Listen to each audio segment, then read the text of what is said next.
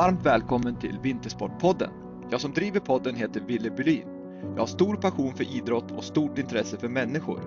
Att få möjligheten att samtala med de gäster som Vintersportpodden har är mycket utvecklande och inspirerande för mig. Mina år som aktiv alpinåkare på elitnivå har format mig en hel del. Jag får därför stor energi när jag får ta del av poddens gäster och deras liv och karriärer. Många gånger känner jag igen mig i deras historier. Jag hoppas och tror att ni som lyssnar kommer få en härlig, inspirerande och givande stund när ni lyssnar på detta avsnitt. Detta avsnitt är i samarbete med Brooks, eller The Running Company, som grundades 1914 och är helt fokuserade på löpning. Med sin slogan Run Happy har Brooks som mål att inspirera alla att springa sin egen väg till ett bättre liv. Och Träningsvarvet i Hudiksvall. Träningsvarvet är ett gym för hela dig med Hudiksvalls finaste havsutsikt. Nybyggda, fräscha lokaler erbjuder pass, gym och tid för reflektion i vårt café. Vi erbjuder många gruppträningspass både inomhus och utomhus. Gå gärna in på vår hemsida och läs mer om vårt utbud. Vi finns här för er. Varmt välkommen till Träningsvarvet!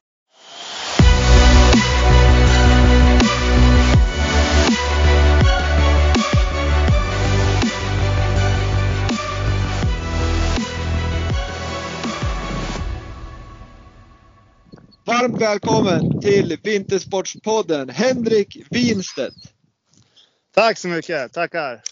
Fantastiskt att ha dig här som har eh, en liten annorlunda bakgrund. Du är faktiskt första gästen i Vintersportpodden som inte är skidskytt, alpinist eller längdåkare. Så att du, är, eh, du slår in lite på ny mark här med, med din friåkningsbakgrund.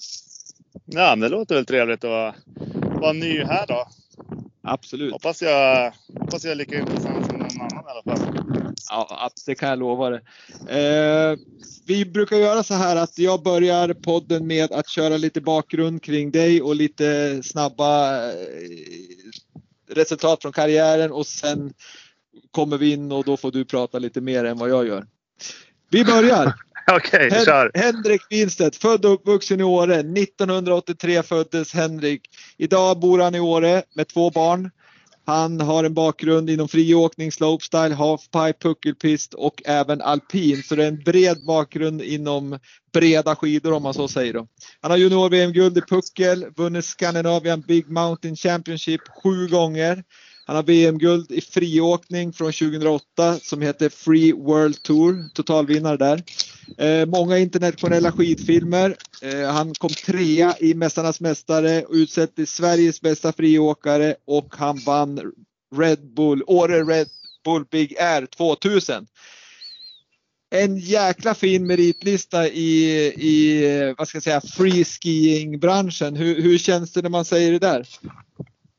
Ja, alltså det låter ju jäkligt härligt när man får det summerat så där.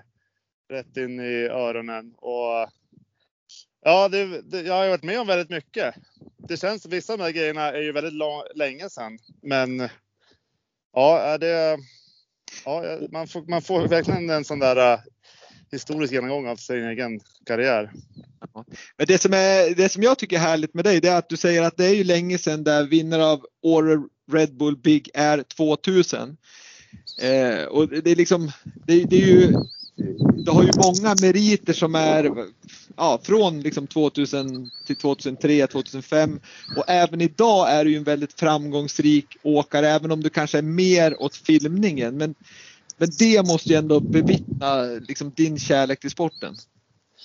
Ja, jag har ju väldigt svårt att sluta med skidåkningen uppenbarligen. Så att jag försöker ju hitta sätt att kunna åka skidor som yrke så ofta jag kan. Och det, ja, men vi håller på med film och fotoprojekt fortfarande och ja, men som, så som eh, sporten ser ut idag så kan man ju synas och vara liksom aktuell utan att man är med i de största skidfilmerna eller vinner tävlingar till höger och vänster.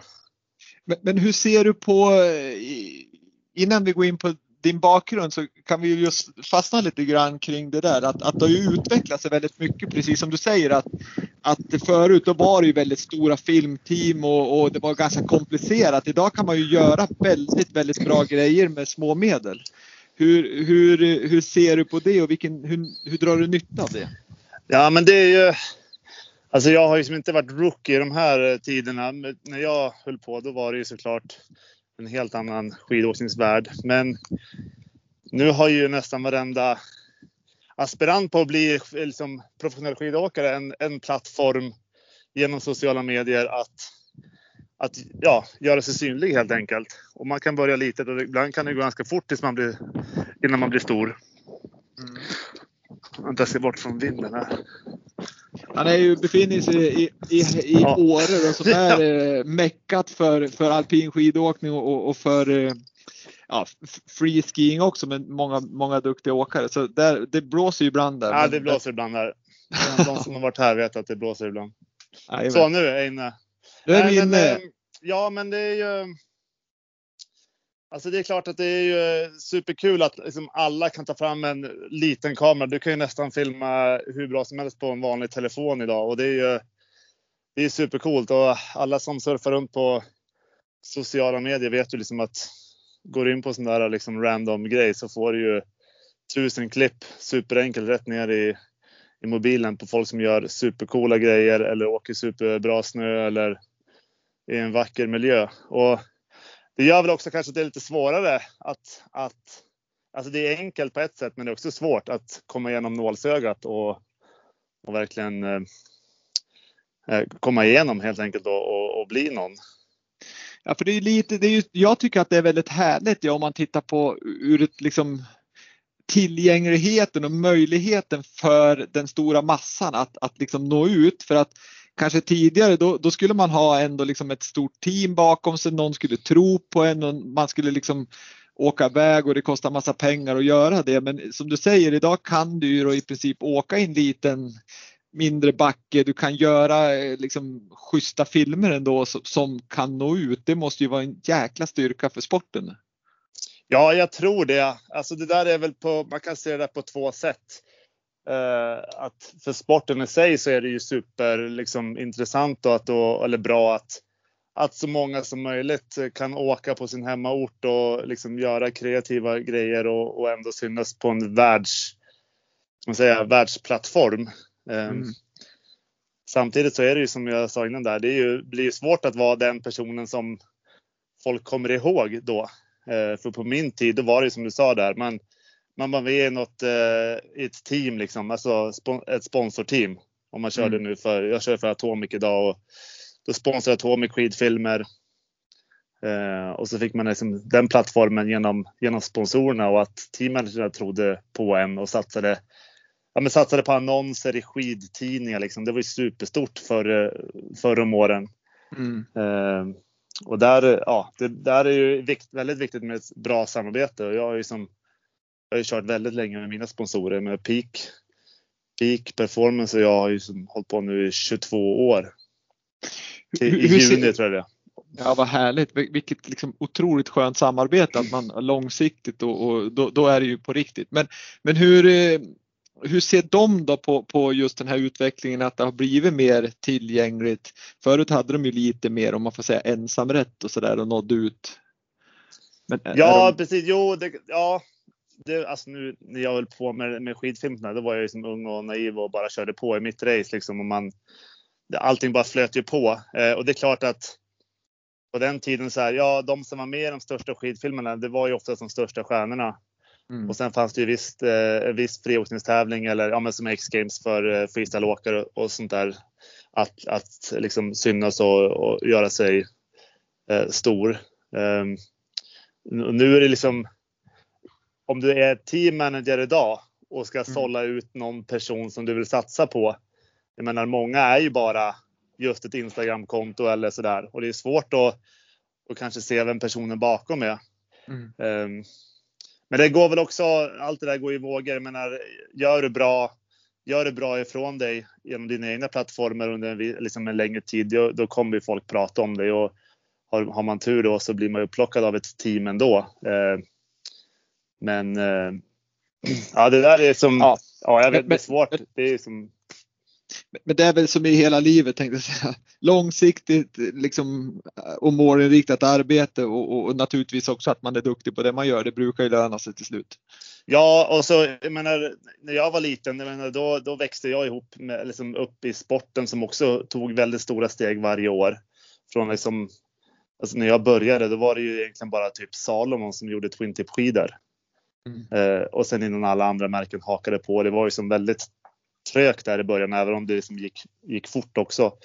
Eh, och jag menar, man vill ju ha någon större och liksom bygga innehållet kring om man har samarbete med någon. Och jag tror liksom, man ska inte tänka att bara för man lägger upp liksom en schysst edit på sin egna kanal att man kommer bli upplockad i ett team. Det, det är ju liksom hårt arbete under lång tid innan man liksom innan man når toppen. Som i alla sporter eller yrken får man väl säga. Ja, verkligen. verkligen. Men, men du var inne på det där, du har en, liksom en ändå ganska, eller ganska, du har en väldigt liksom intressant, som, som du var inne på själv, där att, att du växte upp i den här sporten som har förändrats så pass mycket så att sporten växte upp med dig också. Förstår du hur jag tänker liksom att Jo, men så där var det väl liksom. När jag var liten, då åkte väl typ jag och David Kantemo här, min bästa kompis, vi åkte ju nästan mest med snowboardåkare. Först var det lite konflikt då, för då åkte vi deras snowboardland som det hette då. Mm. Innan man liksom blev accepterad och fick åka med snowboardåkarna. Och snowboard, snowboarden var ju superstor på 90-talet. Och sen mm. kom ju Ja, jag var ju inte den, den, första eller den största stjärnan liksom de första åren såklart. Eh, men jag hängde ju på dem som var lite äldre och mer, mer namnkunniga. Och det var ju framförallt puckelåkare runt om i världen som, som drev det där. Det var ju mm och de hette ju Canadian Air Force. J.P. Leclerc, J.F. Cusson och Vincent Dorion. Det var ju de som egentligen, de var ju puckelåkare allihopa eh, som började med Twin Tip skidorna. Eh, och det blev ju som en, ja, du har säkert jättemånga unga lyssnare också, men det var ju som, det var så jäkla nytt där i början. Och jag själv skulle liksom in på gymnasium och visste inte liksom vad man skulle satsa på och grejer. Jag körde ju puckelpist samtidigt som jag älskar att hoppa och, och leka över hela berget. Mm. Eh, och liksom, ja men hur visste man om man skulle kunna satsa på någonting som man kanske inte kan leva på? Alltså, det funkar ju, det funkar ju viss tid, en viss längd liksom, men sen blir man ju vuxen. Mm. Eh, och på den tiden var det inte så många som levde på skidåkning. Nej, men hur, hur känner man där då? Du, du, idag är du 37 eh, år va? Ja, ska jag vara. Hur, ja, hur, hur liksom länge Känner du att eh, pallar man med liksom och, och hålla på och filma som ni gör? För det är ju liksom inte att, att åka ner i en grön backe direkt utan det är ju ganska tuffa liksom. Ja, eh, alltså det, framförallt är det tidskrävande, enormt tidskrävande. Du ska hamna, hamna i en bra situation. Alltså att du ska vara på ett tufft område med bra snö och bra väder. Jag menar det, förut så var det som, vi filmade ju hela vintern och fick ihop två minuter i bästa fall i en skidfilm av en hel säsongs skidåkning. Um, och det, det, är väl det som har varit, alltså nu nästan när jag fick barn och så där så har ju som tiden, att man inte kanske vill lägga lika mycket tid. Eller man kan inte helt enkelt. Man vill ju. Och jag, vill, jag vill vara hemma med kidsen och jag vill ut och åka skidor. Ja, moment 22. Ja, nej, men jag, liksom, jag hade ju under en period där man fortfarande som sporten växte och man visste inte, alltså, jag skulle inte vara parkåkare resten av livet, det visste jag ju. Um, och friåkning också liksom tänkte man att det fanns ju ett slut på, på den karriären på något sätt. Så jag liksom hade som tre, fyra årsplaner som jag, som jag följde där när jag var som mest aktiv på tävlingsbiten. Liksom.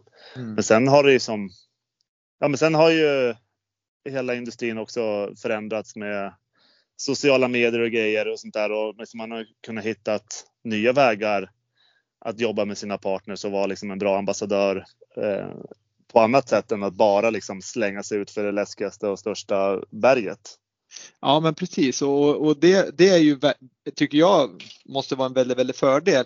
Men för mig, eh, om, om man liksom ska jämföra, det ska man väl undvika att göra, men tittar man på, på de här kanske mer traditionella sporterna som alpint och längd och så jämför man dem med er så jag får en känsla av att ni som håller på med det här, ni är lite som liksom entreprenörer på något vis. Ni hittar nya möjligheter både vad det gäller liksom kommersiella samarbeten men även ta vara på det här sociala mediet väldigt, väldigt bra. Ni, ni, ja, men är jävligt kreativ i backen och, och liksom, ja, men tar hand om dig själv jävligt mycket. Det, det tycker jag är en härlig liksom, attityd som, som eran bransch har. Ja, och det är, väl, det är väl så som branschen ser ut nu. Alltså man har ju mer eller mindre tvingats in på den biten också. Det var inte helt lätt liksom från att gå från att liksom ja, men att det fanns folk som tog hand om en att filma och fota och liksom sälja in till press och skidfilm och sånt där. Eh, det var ju som, det var ganska enkelt fast tidskrävande och jobbigt. Nu har man ju liksom, ja men nu ska ju allting ske ganska eh, omgående. Du vill ju lägga ut bra bilder och intressanta saker liksom över hela året.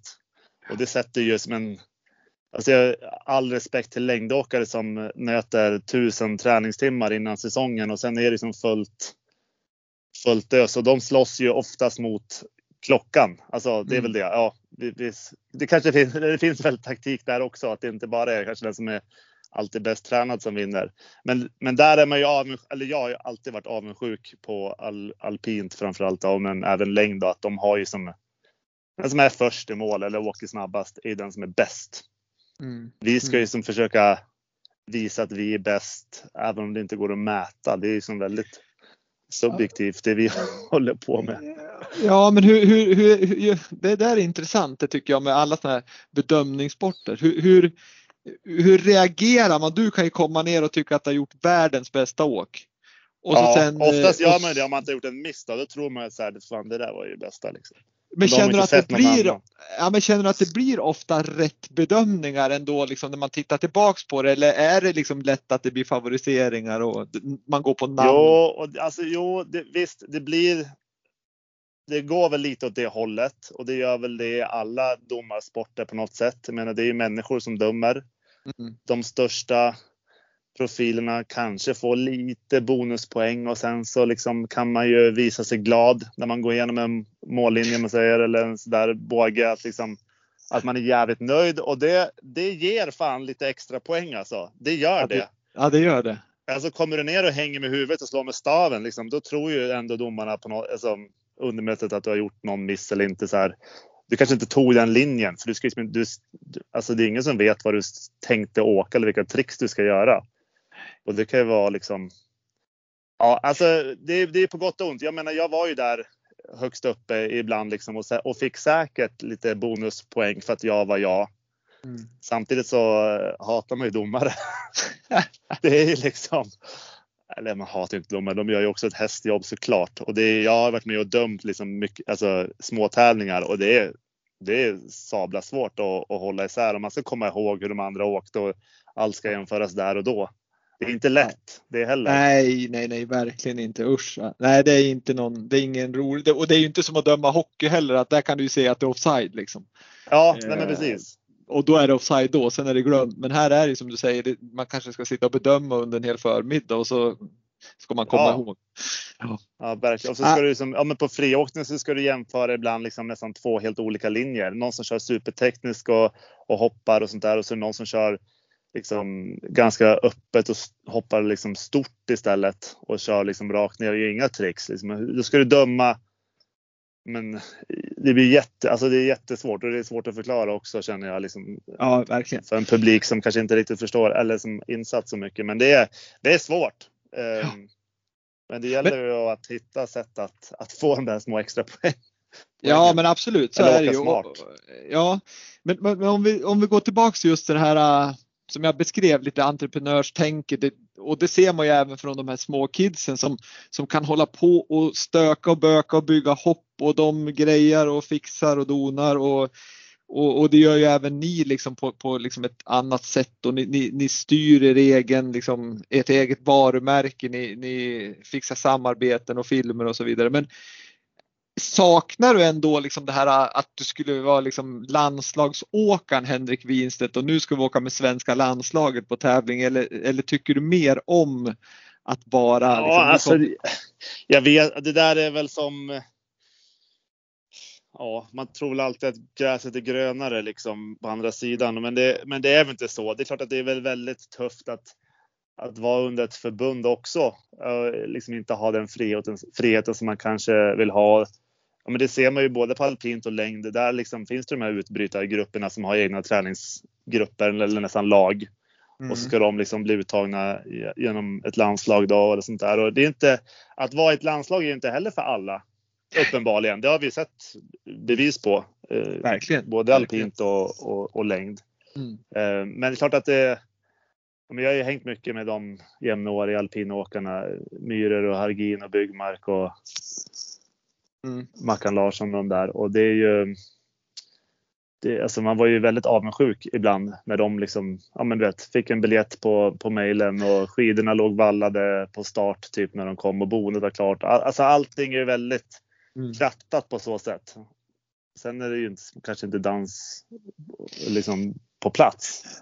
Nej, sen finns vi... ju baksida på allt sånt där också för jag menar till det där så, så kommer ju även förpliktelser naturligtvis och, och, ja. och, här tror jag att många gånger som jag som kommer från alpina världen så, så var det ju många som också kände liksom fasiken vad, vad kul de där har eller vad, vad bra att de kan styra sig själv lite mer och, och, inte ha så mycket att förhålla sig till kanske på samma sätt. Så att det är väl som du säger, det, det är väl Ja, det är två sidor på myntet. Ja, jo, och sen när jag var med i landslaget i puckelpist där och, och körde liksom träningsläger i Zermatt på höstarna och Europacup eller världscup på vintern. Och sen samtidigt så var det ju liksom, alltså flera gånger i månaden så var det ju Big Air-tävlingar som jag också mm. tävlade i. Och då liksom pussla ihop det där och liksom försöka få ledigt från ett läger för att dra liksom till någon eh, ort någonstans, liksom, kanske i någon stad. Vi var i Kapstaden och hoppade eller liksom mm. mitt under ett landslagsläger. Men det, det kanske inte var helt lätt för mina tränare att, att låta mig liksom köra på som att inte liksom deras regler gällde, gällde just mig. Ja, precis. Nej, och, och det där fick ju ja, din kollega förmodligen då Jon Olsson som, som höll på med, med, ja, med mycket Big Air och, och, så vidare och var framgångsrik där och han höll ju också på att filma och, och sådär. Men han var ju också inne och körde lite storslalom ibland och då skulle han passa in i landslaget med alla de regler som fanns där. De med utrustning och hur man inte fick göra och vad man fick göra och så vidare. Det var ju också en utmaning för honom att ja, komma men, in i den världen. Jo men det är det ju. Ja. Ehm, det är ju det är som för att få ihop ett lag så måste man väl ha liksom ganska ja. hårda riktlinjer som ska gälla för alla.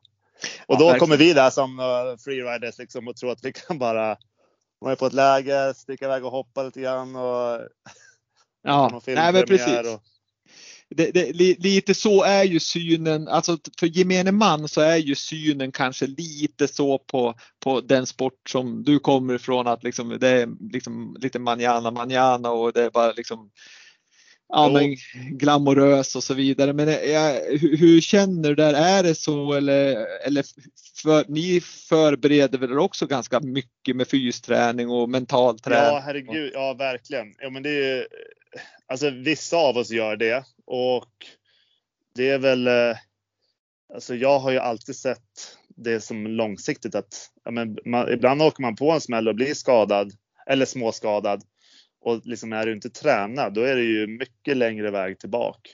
Och det mm. sista man vill vara är ju liksom vara, vara en icke skidåkare. Um, om man nu ska leva på det. Så liksom, jag har verkligen kört i perioder uh, stenhårt. Uh, mm. Framförallt, eh, jag hade, fick, åkte på diskbrock 2006. Uh, ja, och, då, och då fick jag verkligen börja om från början. Alltså, min kropp funkar ju inte för fem öre uh, då och liksom köra små, små, små rehabövningar liksom under väldigt lång tid. Och det var väl superfrustrerande. Men då pratade jag mycket med eh, liksom, sjukgymnaster som var liksom, professionella och, och sådär och, och liksom bestämde mig att fan, nu ska jag köra på här nu så måste jag ge min kropp en ärlig chans. Så jag, till exempel drack jag inte alkohol under väldigt lång tid. Var det någonting som hjälpte dig tyckte du i, i rehabiliteringen? Jo, men absolut. Ja. Men alltså, man, ja, det vet vi alla som har varit bakis. Liksom. Du är ju oduglig dagen efter. Och, mm. och eh, nu har inte det varit något problem överhuvudtaget, men om du, som du säger, gemene man tror ju att vi är liksom några partykillar som eh, liksom åker runt, eller partykillar, partykillar och tjejer som åker runt och men vet, inte, eller bilden kanske var annorlunda för, förr då, men då var det lite mer så. Det var liksom banketter och fester på varenda tävling och Eh, man levde liksom rockstjärnelivet utåt. Men, men de som löpte den linan hela vägen ut, de vart ju inte långvariga. Det var det jag skulle komma till. Alltså du kan ju, på talang kan du ju komma en bra bit inom ganska många sporter, men vill du vara kvar på toppen och och vara liksom en, en förebild för många, för det är vi ju. Så då gäller det att skärpa sig. Ja, för jag tänkte säga det, du, du har ju liksom levt med skidåkning och idag är du 37 år och ska man då som du säger, som vi har pratat om, och, äh, liksom att du, du ska ju liksom, det är ditt levebröd och då, då är det liksom, ska du, ju, ju, längre, eller ju bättre du sköter det, desto längre håller du så att det är nog bara att liksom jobba på med, med fys och, och vara seriös liksom för att kunna liksom få en intäkt. Jo, men så är det ju. Alltså, att vara en reko kille gentemot dina sponsorer. Det är ändå de som betalar, liksom, ja.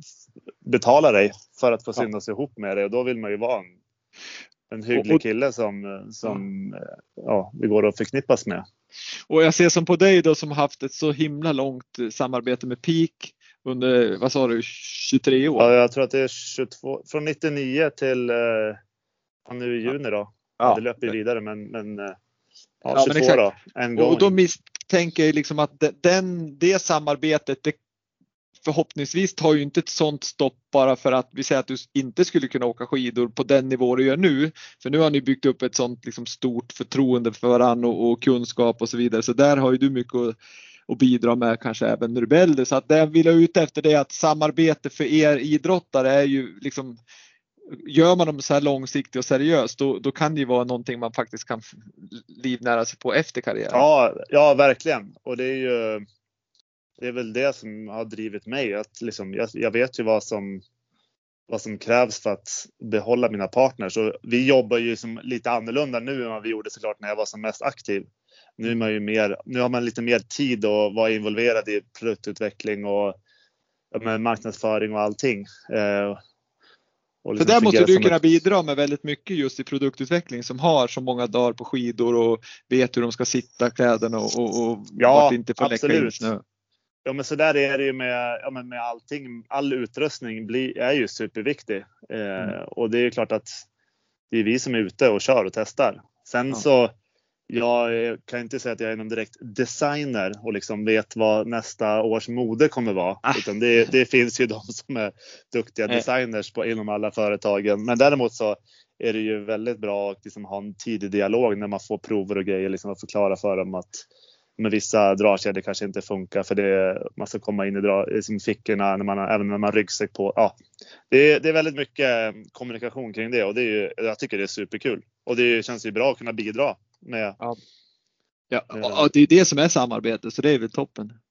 Ja. Men, men, men, du Henke, apropå det här med hur man ser på er och så vidare. Där tror jag många liksom har fått en helt annorlunda bild av dig.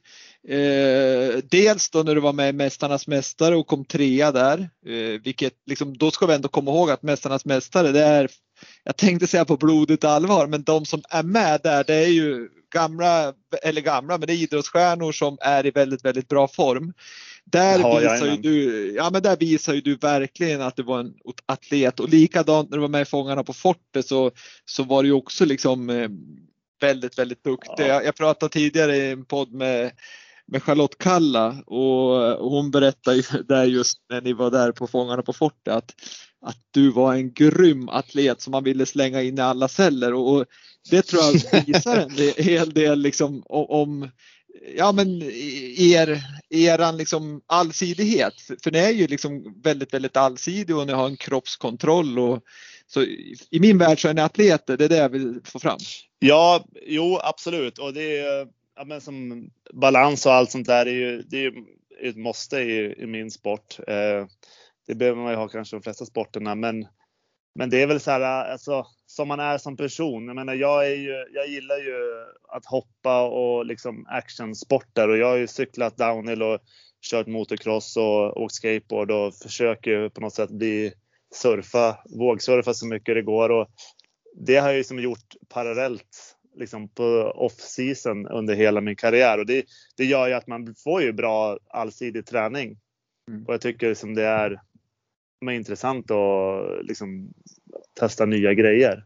Mm. Eh, och sen på det är man ju också en tävlingsmänniska. Så att man ger sig ju inte liksom, bara för att man var dålig på att ja, åka snowboard eller skateboard så det är ju bara att nöta på så man blir liksom ändå lite okej okay på någonting.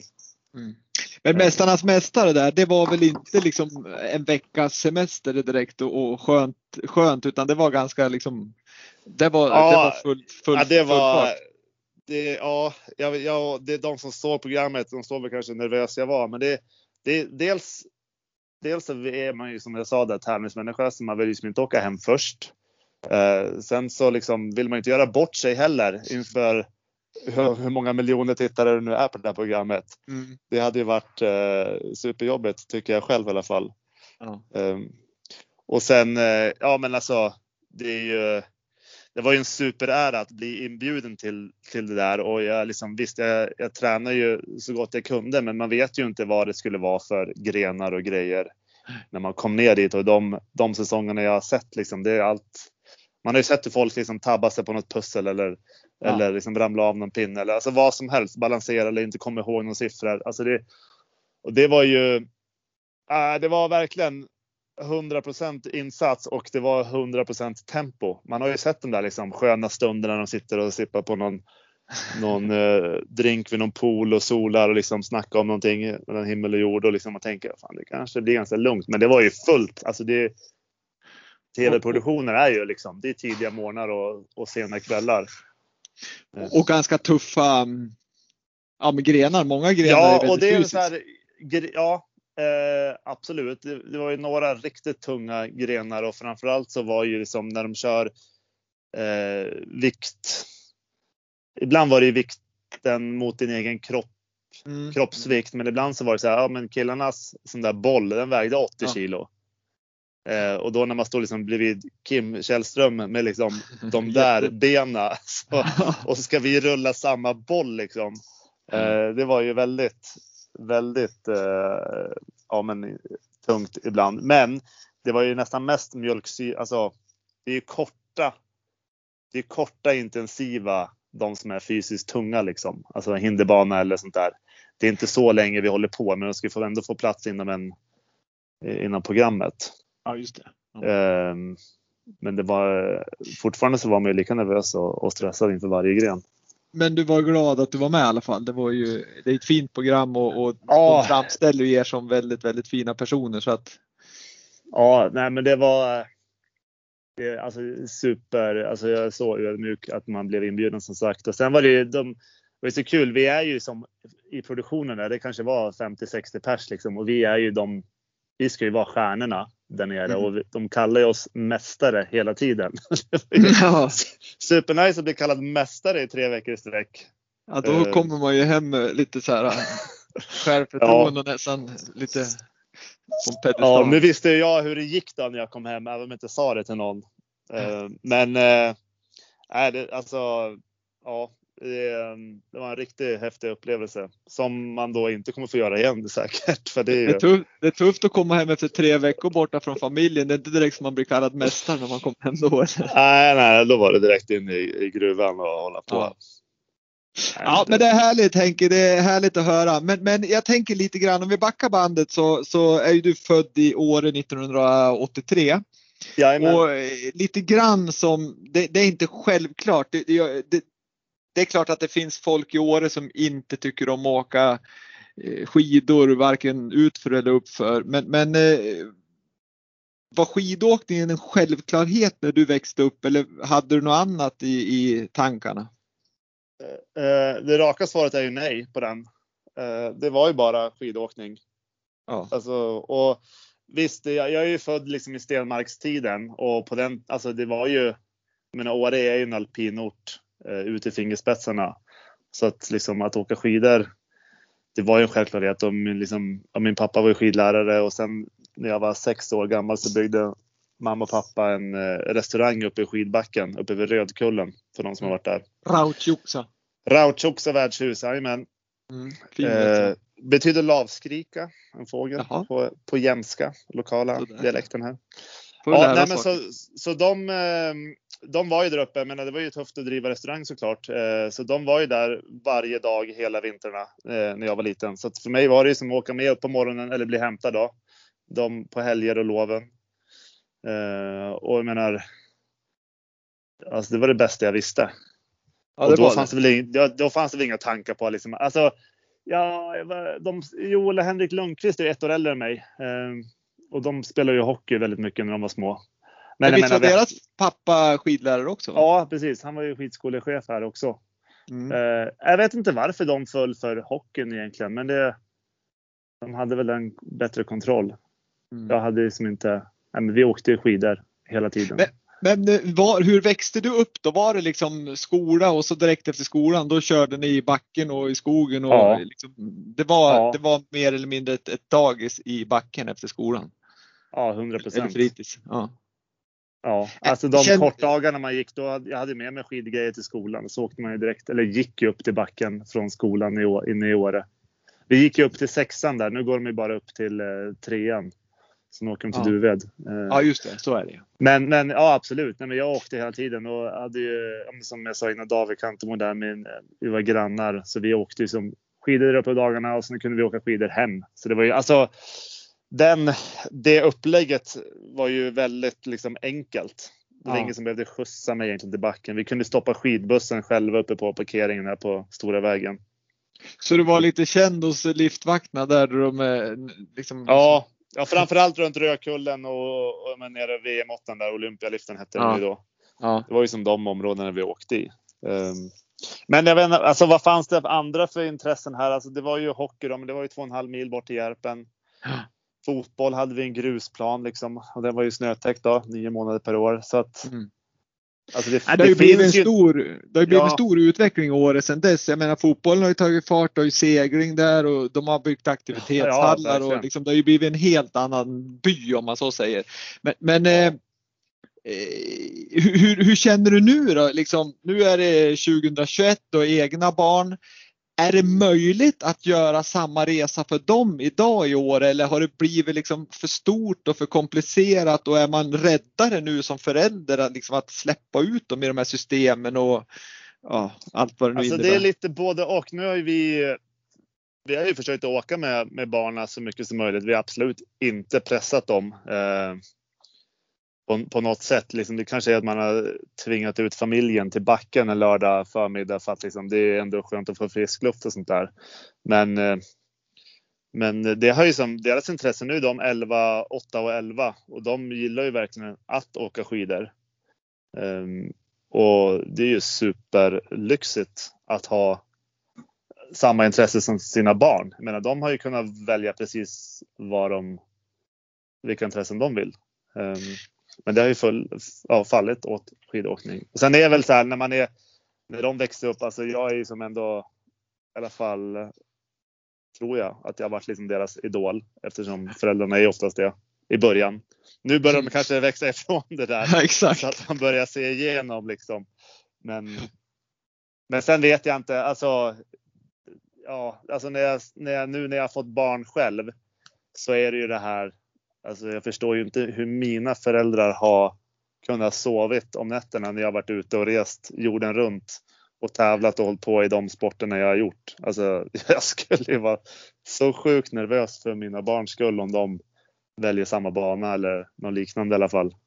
Ja men det har ju blivit så mycket större om man bara tar Åre liksom. Om man, om man jämför det liksom med 80-talet när man var där så var det ju som på ett vis ändå tyckte man det var stort då. Men jag menar hela liksom både systemet har växt, byn har växt liksom. Ja men det är ja. mer folk som åker. Det är lite så jag tänker liksom med när jag själv ja, åker nu med har små barn. nu har de ju telefoner barnen liksom. Ja. Så att man är inte superorolig så. Sen är vi ju väldigt noga med att de inte sticker iväg liksom över hela systemet och de får liksom inte åka upp på högzon själva än. Nej, nej um, och det är väl också det här, men du vet, hur mycket lavinfara-snack hade man med sina föräldrar när vi var små? Det var ju noll och ingenting. Mm. Och det var ju, som, det var ju så det var. Uh, fanns liksom inte på tapeten. Och nu vet ju jag mycket mer om riskerna än när jag var liksom ungdom. Mm.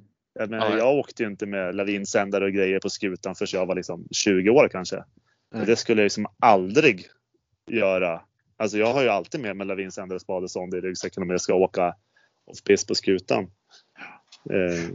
Har, har det liksom, apropå laviner och, och sändare och, och, och, och liksom, det ökar ju chanserna ganska stort att, att man kan bli räddad om olyckan skulle vara framme. Men, men har, har det påverkat dig mycket liksom och, och sporten som sådan, det som hände Rappaport i, i, för ett antal år sedan? Ja, alltså det, det i sig var ju, är ju så supertragiskt i och med att det var som en jättenära kompis som gick bort mm. i en, mm. lavin. Nu hade ju hon allting på mm. sig, men det är, det är ju den där risken som vi lever med eh, som friåkare varje dag när vi är ute på berget. Har ni stor eh. respekt för det där liksom att ni verkligen ja. checkar av och eh, eller liksom ser man? Ja, alltså jag kan ju bara tala för mig själv och de, liksom min kompiskrets och det är ju men vi, alltså det är sagt så. Vi åker, åker vi off-pist då har vi med oss grejerna. Mm. Eh, sen vad alla andra gör, eh, alltså alla har ju ett eget ansvar såklart. Men det är ju, nej, det finns ingen, ingen tvekan på att säkerheten går ju alltid först och det är ju som jag vet inte om det är för att man är äldre också som man liksom tänker på det mer. Eh, jag menar, jag har säkert varit i jättedumma situationer liksom i yngre dagar än vad jag är nu och jag försöker som alltid. Alltså när vi har ute och varit filmat och varit på fotoresor så har vi ju som oftast en bergsguide med oss som hjälper till med säkerheten. Och sen ja, liksom är det ju en, det är ju alltid en dialog mellan oss åkare och filmteamet och, och guiden liksom vad som vart det är säkert att åka liksom, för den dagen. Och menar, det ändras ju varje dag, lavinförhållanden. Det kan ju gå från superlavinfarligt till nästan ingenting på ett par dagar. Eh, och tvärtom om temperaturer och vind och snöfall och sånt där. Eh, och det, ja. alltså, med, med det sagt, alltså, säkerheten är ju A och O. Till exempel nu åker jag ju alltid med hjälm och ryggskydd oavsett om jag bara åker eller åkte med kidsen i små skogsbanor uppe i Rökullen. Mm. Uh, för det, alltså, liksom man kan ju precis när som helst råka ut för ett jävla felskär och dra huvudet i en sten eller ett träd eller bryta ryggen mot någon stubbe liksom. Ja, det såg vi ju prov på på eh, alpinåkaren Thomas Fogde som egentligen, ja, men precis, ja, det, det, det, var ett skit, ett snedskär som, som landade på en stubbe som ledde till att han blev ja, rullstolsburen. Ja, det är supertragiskt. Jag har flera kompisar som har råkat ut för liknande eh, olyckor och de, de två gångerna jag har brutit någonting, brutit någonting i, ut, alltså ute när jag åkt skidor. Det har varit på en transportsträcka. Mm. Det har knäckt reben, reben och nyckelben.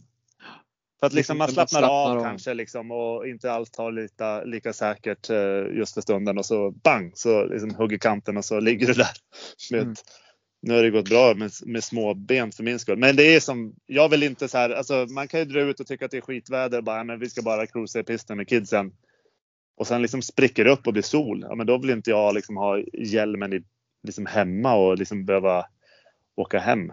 Alltså, jag, jag, jag, jag, vet för mycket om mig själv nu för tiden. Alltså jag kan alltid få ett ryck och vilja hoppa någonstans eller sånt där och då känns det tryggt att, att man har skyddat sig så bra det går i alla fall. Ja.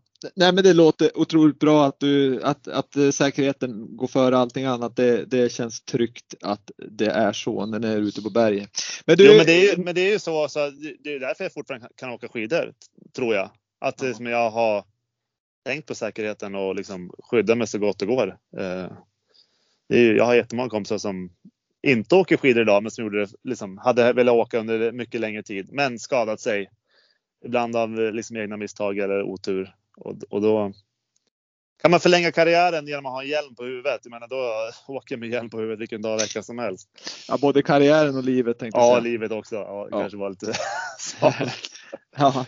Men du, eh, jag, jag, jag, jag funderar lite grann och jag tror många med mig funderar liksom på, på när man ser när ni åker nu, om vi tar liksom det här när ni åker ner för stora, stora berg, det är klippor, det är eh, både stenhårt, det kan vara puder, men det, det, ja, det är allt möjligt. Men det gemensamma är att det är stora berg.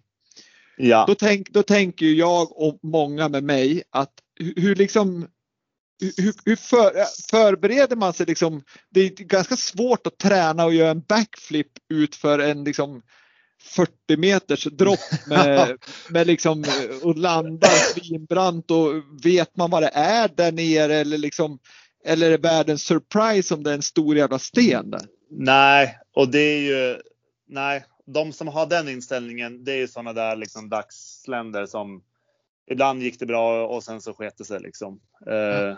Men om man skulle bara kort säga om på en friåkningstävling, ja då får du ju inte åka på berget innan utan du får bara kolla på berget eh, på plats nedanför eller ibland kan man ju se från toppen också men du får absolut inte åka in i, i, i facet då, som det heter.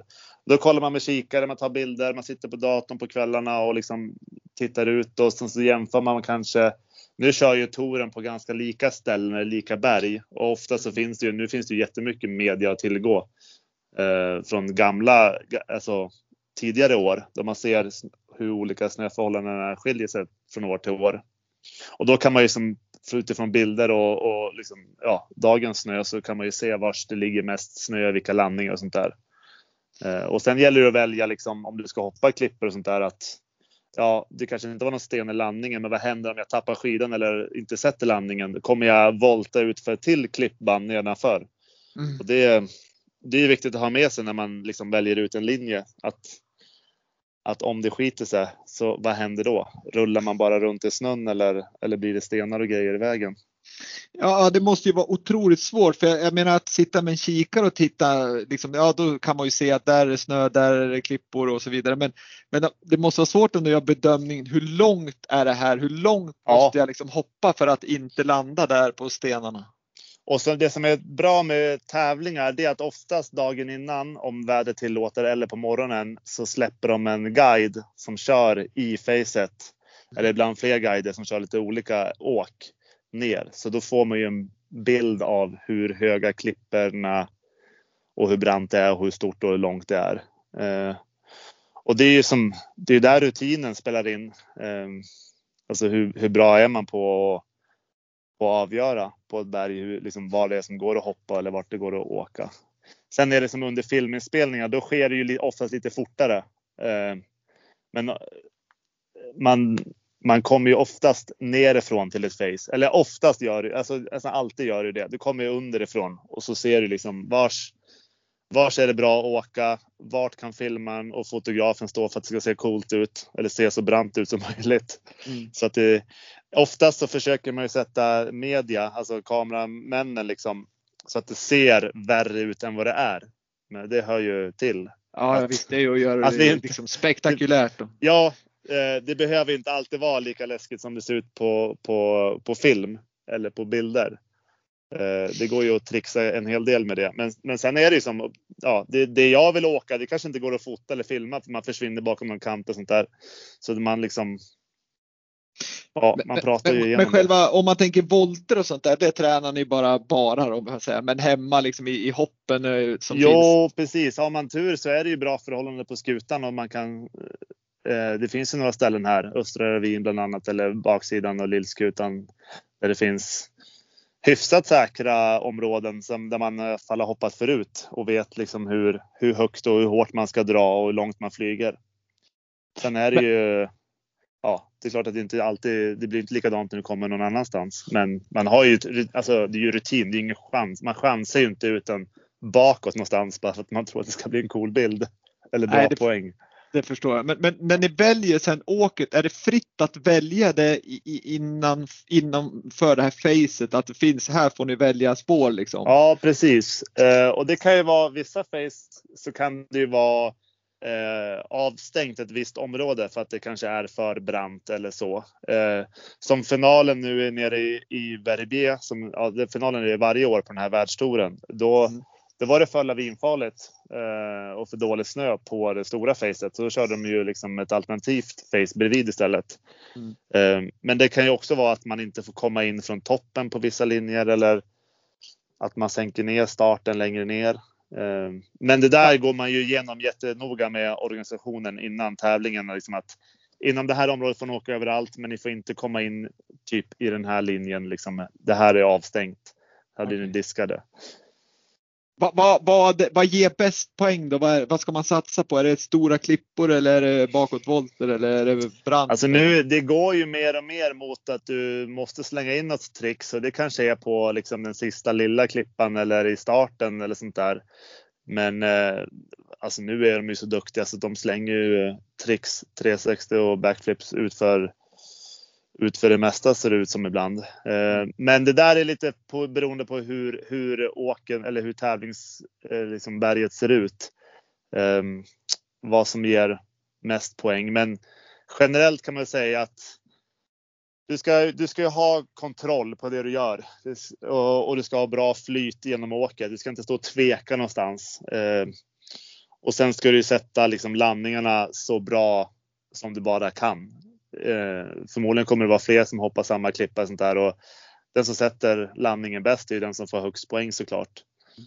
Um, men, men för att få men, det där flytet då, när ni, när, som du säger att du, du, ska få flyt, du får inte, eller får inte får du väl göra, men du får sämre poäng då om du stannar och tvekar. Ja. Och här kan man ju se liksom verkligen att fasiken det är smalt, det är brant, det kommer en klippa och man ser att de står ett tag.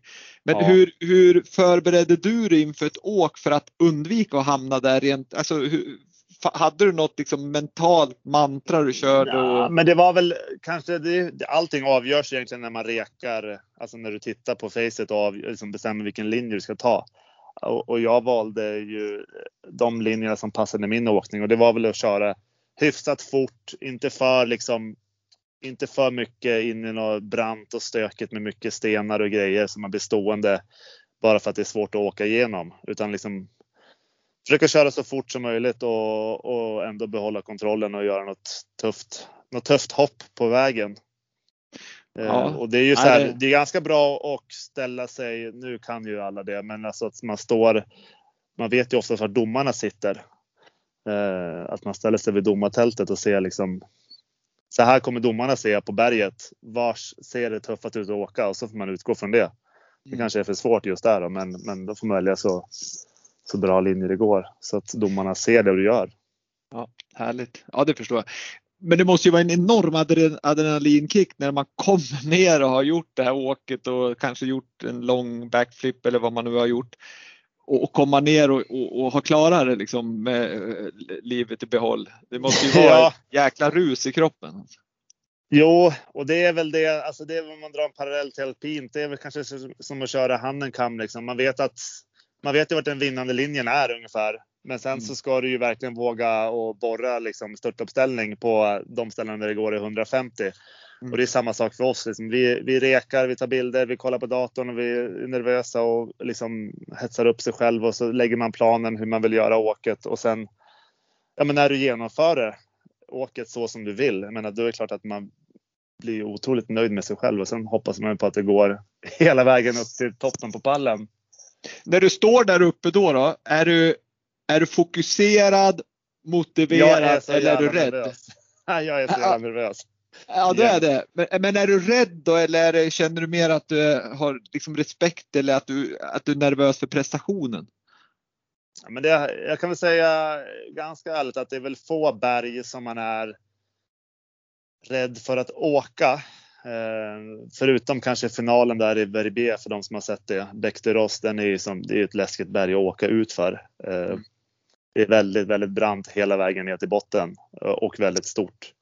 Men, men det är väl det här, alltså man är ju rädd att man dels ska missa på tävlingen, alltså göra bort sig och krascha att, och inte få poäng och inte vinna. Och sen är man väl rädd liksom att man ska man kanske rekat fel. Man liksom är lite tveksam på en landning. Kommer jag stå den landningen? Hur ont kommer det göra om jag skulle krascha? Mm. Eh, men jag har liksom aldrig egentligen valt en linje där liksom jag är rädd för att åka. I så fall har man ju mer gjort det på filmning, liksom att att fan, det här är liksom. Det är brant och det är läskigt, men du, där har du så mycket. Alltså, du, du är alltid alltså all tid i världen på liksom att ta dig igenom ett åk såklart när du filmar. Det är bara att det, det, går, det går mycket tid på en bra dag förmodligen. Mm. Um, och Det var någon som sa det, någon, någon filmkompis som sa det. Liksom, är du inte rädd när du ska köra framför kameran, då kommer det inte komma med i filmen. Och det är liksom, det är väl, det är väl, det är väl lite sanning i det. Alltså, ja. och, och visst, ja, svaret på frågan är väl ja, man, man är väl rädd, men man är inte, man är inte rädd som en turist skulle vara på toppen. Nej. Alltså, man vet ju att man kommer klara av det om man håller sig till planen och har liksom tur med landningarna. Mm. Men, men man är liksom inte livrädd. Nej, jag förstår. Och det är väl bra. Man har ju, det, det visar på att man har lite respekt för det man ska göra också. Så att man verkligen skärper till sig och får alla sinnena i, på bana. Ja men precis, nervositet är ju, det kan ju vara väldigt, väldigt positivt just i, i fokuseringen och, och, att man förstår att nu är det någonting på gång här.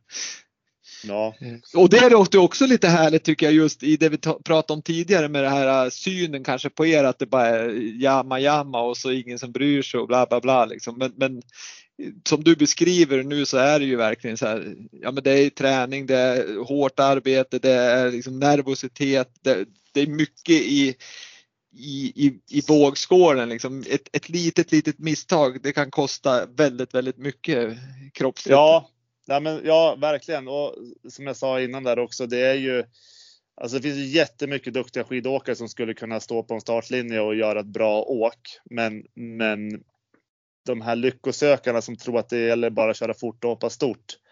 Liksom en gång. Jag menar, det är många som kommer krascha bort sig och och inte, ja men kanske skadas eller sådär. Eh, det gäller att du har liksom en jäkligt bra liksom, gameplan och, och vet att, att du håller inom dina egna ramar så att säga. Det, det, det är väldigt lätt att hoppa för stort i min sport. Ja. Eller åka för fort.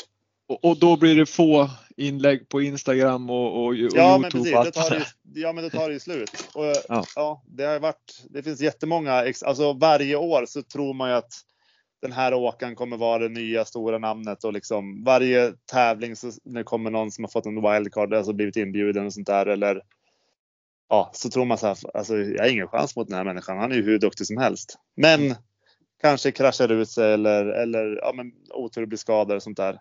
Ehm, det, det gäller att se det mer långsiktigt än, än just den dagen såklart.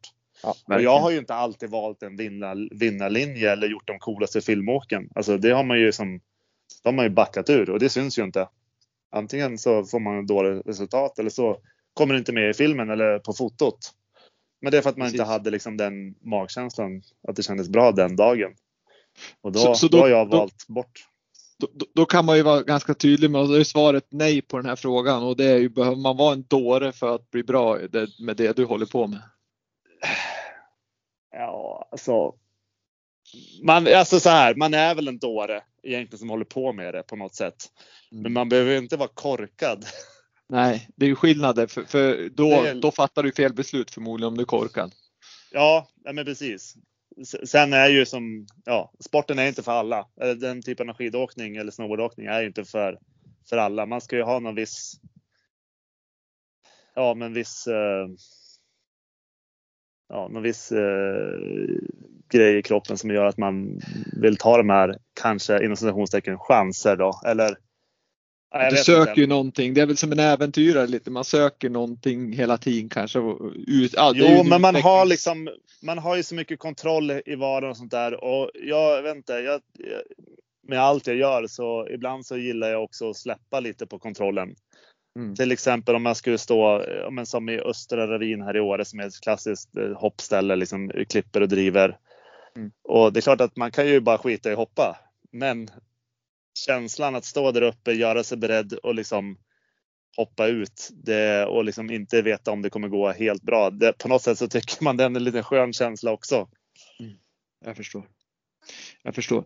Du, nu har vi pratat mycket om eh, idrotten tänkte jag säga just det du håller på med, alltså hoppar och skuttar och far och flyger och i, i världen och i, på, i, på berg.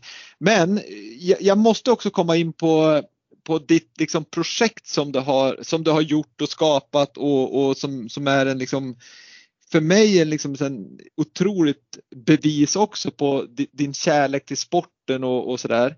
Det är att du har ju utanför ditt hus en egen backe där du liksom har både, du har backe, du har lift, du har snökanoner, du har pistmaskin. Så egentligen du bygger din egen park utanför huset och dessutom drivs detta med liksom solenergi så, så att du är liksom självförsörjande på det. Ja. Hur, Eh, hur liksom, kan du berätta om det där projektet och var, varför gör du det kan jag ju förstå lite grann men, men vad är det som har drivit dig i, i projektet? ja, men det är väl rastlöshet egentligen. Och sen, eh, ja men alltså det, nu bor vi på den här gården och nu bygger vi hus här. Eh, och här i Åre lutar ju allting. Mm. Ehm, och det gäller ju bara att liksom göra något bra av det här, att det alltid lutar alla gårdar och allting. Så att liksom, det börjar ju egentligen med att vi, vi satte upp lite rails och byggde något hopp till kidsen när de var små liksom och, och tolkade med skoter och sånt där. Och sen liksom, ja, var det ju mörkt på vintrarna och vi hade pannlampor liksom som ljus när vi körde runt och så bara, men, kanske sätta ner någon stolp här och sätta upp lite lite lampor och, och sen ville jag ha en lift. Jag menar, de är inte så dyra alls eh, och jag lyckades nosa rätt på en lift nere i Saltsjöbaden som de skänkte bort mot nedmontering. Mm -hmm. Så jag fick lite kompisar och monterade ner den där. Så åkte jag ner och hämtade den och så har vi som Ja, med, med väldigt mycket hjälp av kompisar som både är elektriker och liksom har bra ryggar så har vi liksom lyckats få upp en lift och bra ljus och grejer. Och sen, ja, men det finns ju inget tak på hur långt man kan dra det egentligen. Ehm, men det här med alltså att vi hade jättebra snöförhållanden för tre vintrar sedan nu i Åre. Det var hur mycket Mm. snö som helst. Och då hyrde jag in en pissmaskin och byggde ihop ett jättestort hopp på våren. Eh, Men sen när den smälte undan lite grann där man skulle börja shapea ordningen för hand. Det var ju som helt lönlöst. När de byggt ett jättehopp med pissmaskin. Så då köpte vi en pissmaskin. För att liksom eh, kunna dosa runt den här snön. Men så var det skitdåligt år, snöår nedanför, ja men i byn förra vintern. Mm. Det var ju alltså, ingen snö nere, men det var ju hur mycket som, snö som helst uppe på, på skutan. Mm. Och då kände man ah, alltså, man skulle ju haft snökanoner som man har sä, sä, säkrat, säkrat snötillgången. Så med liksom hjälp med av projekten här så ja, men fick jag ju som hjälp att bygga snökanonsystem och ja, Och, och, och dessutom då så att installerar du solceller till det. Ja, men precis. Och det var ju som en, mycket för liksom att kunna känna att, att man gör någonting eh, rätt också. Man har ju ändå haft en ganska stor klimatpåverkan i det livet man har levt. Mm. Så att liksom ja, men få upp solceller. Ja, nu, nu håller vi på att bygga nytt här nu så nu sätter vi upp ännu större solceller. Så att nu ska det väl ja, det blir inte off grid, men det blir ju det blir väldigt bra sett på helår. Så att Ja, man har sin lilla liksom, drömställe här. Och det är, ja, men när folk kommer förbi, kompisar som inte, som inte varit här innan och sånt där. Som bara, det här är ju helt otroligt. Men man får ju verkligen nypa sig själv i armen och liksom backa och se det här utifrån ibland. För att när man lever mitt i det, det är ett jävla, det är ett jäkla slit liksom. Det är, ingenting sköter sig självt. Och saker går ju sönder och liksom, man tycker att det är jobbigt ganska många dagar. Men men eh, om man liksom bara så här, vänta nu, vad är det jag har här? Jag har en egen park, lift, lampor. Alltså det är ja, Ja, det, är- det, det är mäkta imponerande och, och eh, jag personligen tycker att det här vittnar, som jag sa, om, om din liksom, kärlek och passion för den här, för den här sporten och, och, och det här gör man inte om man inte verkligen liksom, ja det, det är ditt liv helt enkelt. Ja, vi har hållit på, jag har hållit på ganska många år med det nu och liksom, eh, många säger så här, men det här är ju bara för kidsen, eller hur? Och alltså nu, nu gör vi det mer ihop. Nu, de kanske inte hjälper till att skotta så mycket. De är ju ganska små fortfarande, mina barn. Men, men jag gör ju lika mycket för mig själv som för mina barn. Eller liksom för familjen eller för kompisgänget. Alltså det är ju en samlingspunkt och det är ju som men det är, som, det är inte bara för mina barn jag gör det här om det är någon som tror det. Att, att jag ska curla dem till att bli liksom nästa generations rail eller hopp eh, kids. Utan det är som, det här är för mig i första hand. Ja. Ja, det är en skaplig insats om det får liksom curla barnen som är sådär små när man har Ja, Åre liksom runt knuten. Det, det är ju det är ju någonting Ja, annat. men det är det. De har ju en plattform här i Åre ändå liksom att utnyttja. Jag menar Skistar och Åre här och parken, skutan, det är ju som helt oslagbart om de nu vill bli skidåkare. det här är bara liksom en, det är en hobby som har gått överstyr kan man väl säga här hemma. ja, det är grymt. Det är jättekul verkligen. Men du, vi ska börja runda av här. Eh, vi har pratat drygt en timme, men vi har två frågor kvar. Den ena det är en lyssnarfråga som vi har fått in och eh, den andra det är en fråga som jag ställde till alla som är med eh, som gäster i den här podden. Men vi börjar med eh, lyssnarfrågan och den är, jag vet inte, du kommer förmodligen svara någonting här, men, men frågan lyder i alla fall så här att eh, vilken skidort i världen anser du vara absolut bäst att vara på? Åh herregud, ja. Eh, ska du ha raka svar eller? Ja, rakt svar bara.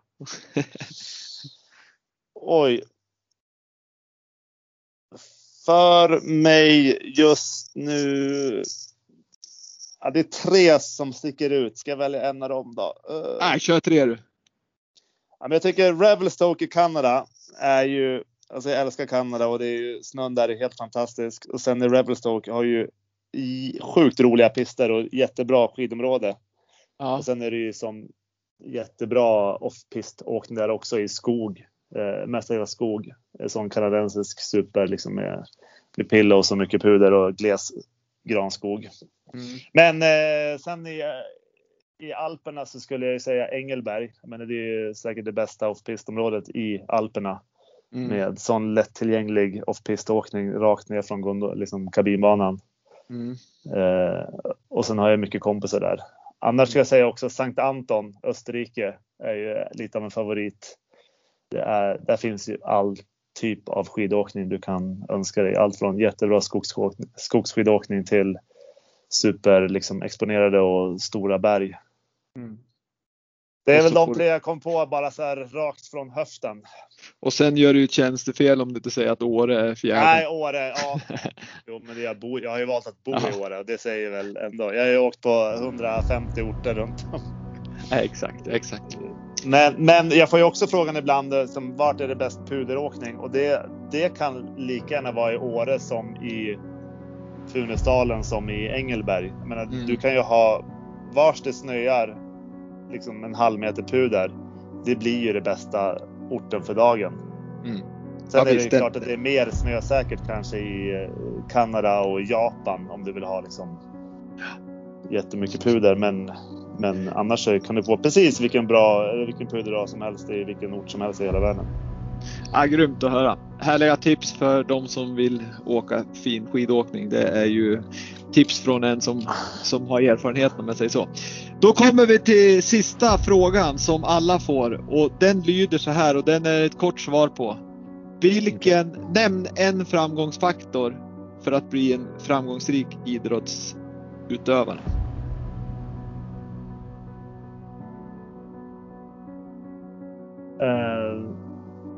Ja, vad heter det? Jag har tappat ordet på svenska. Dedic dedication. Att det, ja, dedikera, eller liksom, ja, ja dedikera ja, till du, sporten. Ja, du måste ha en jäkla insats i vått ja. och torrt. Det ja, vad heter det, målmedvetenhet. Mm. Ja, men det, det är ju fina ord från en riktigt bra idrottsman. Eh, och jag kan säga så här att jag och Vintersportpodden är jättestolt att du har varit med här Henrik och naturligtvis önskar dig all lycka med eh, backen.